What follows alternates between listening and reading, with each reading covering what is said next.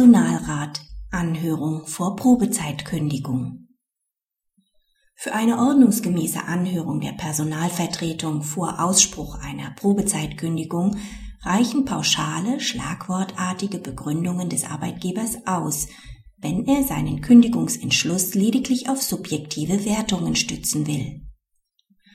Die Arbeitnehmerin ist als Krankenhausdirektorin für den Arbeitgeber tätig. Aufgrund verschiedener Unstimmigkeiten spricht der Arbeitgeber noch innerhalb der vereinbarten Probezeit eine ordentliche Kündigung aus. Im Rahmen der Anhörung des Personalrats vor Ausspruch der Kündigung gibt der Arbeitgeber als Begründung an, dass sich die Arbeitnehmerin nicht bewährt habe. Sie sei nicht geeignet, die ihr übertragenen Aufgaben ordnungsgemäß zu erfüllen. Das für eine dauerhafte Zusammenarbeit notwendige Vertrauensverhältnis habe aufgrund der mangelnden persönlichen Eignung der Arbeitnehmerin nicht aufgebaut werden können. Vor Gericht beruft sich die Arbeitnehmerin darauf, dass diese Begründung zu pauschal und der Personalrat daher nicht ordnungsgemäß beteiligt worden sei. Das BAG folgt dieser Argumentation nicht. Die ausgesprochene Kündigung bedarf als Probezeitkündigung keiner sozialen Rechtfertigung.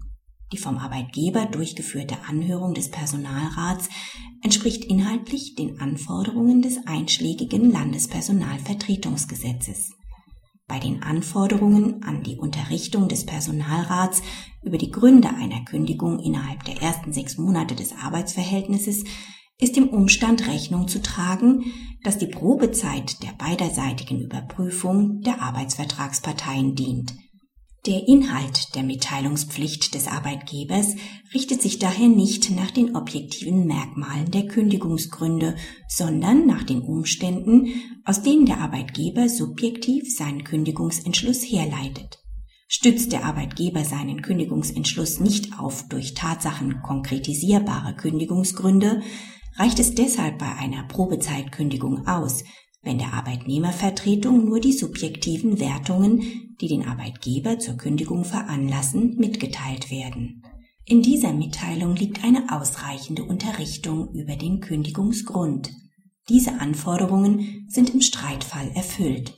Wenn der Arbeitgeber angibt, dass er die Arbeitnehmerin nicht für geeignet halte, die ihr übertragenen Aufgaben ordnungsgemäß zu erfüllen und das notwendige Vertrauensverhältnis nicht habe aufgebaut werden können, handelt es sich zwar um pauschale und schlagwortartige Angaben. Diese genügen jedoch, um das subjektive Werturteil des Arbeitgebers zu verdeutlichen. Eine detaillierte Begründung dieses Werturteils kann im Rahmen des Anhörungsverfahrens nicht verlangt werden. Die Kündigung scheitert somit nicht an der mangelnden Beteiligung der Personalvertretung. Praxishinweis. Mit der Entscheidung bestätigt das BAG seine bisherige Linie zu der Anhörung von Arbeitnehmervertretungen bei Probezeitkündigungen. Das Gericht weist ausdrücklich darauf hin, dass die vorliegenden Ausführungen gleichermaßen auch für eine Anhörung des Betriebsrats in der Privatwirtschaft gelten. Das Ergebnis erscheint nahezu perplex. Je ungenauer der Arbeitgeber seinen Kündigungsentschluss begründet, desto eher erfüllt die Anhörung die formalen Voraussetzungen der subjektiven Determination. Wer als Anwalt Unternehmen berät, weiß genau, dass die überwiegende Zahl der Probezeitkündigungen nicht aus dem Bauch heraus ausgesprochen wird, sondern dem Kündigungsentschluss in der Regel auf Tatsachen basierende Einzelvorkommnisse zugrunde liegen. Nach der vorliegenden Rechtsprechung wäre es ein Kunstfehler, solche Vorkommnisse in der Betriebsrats- oder Personalratsanhörung einzeln aufzulisten.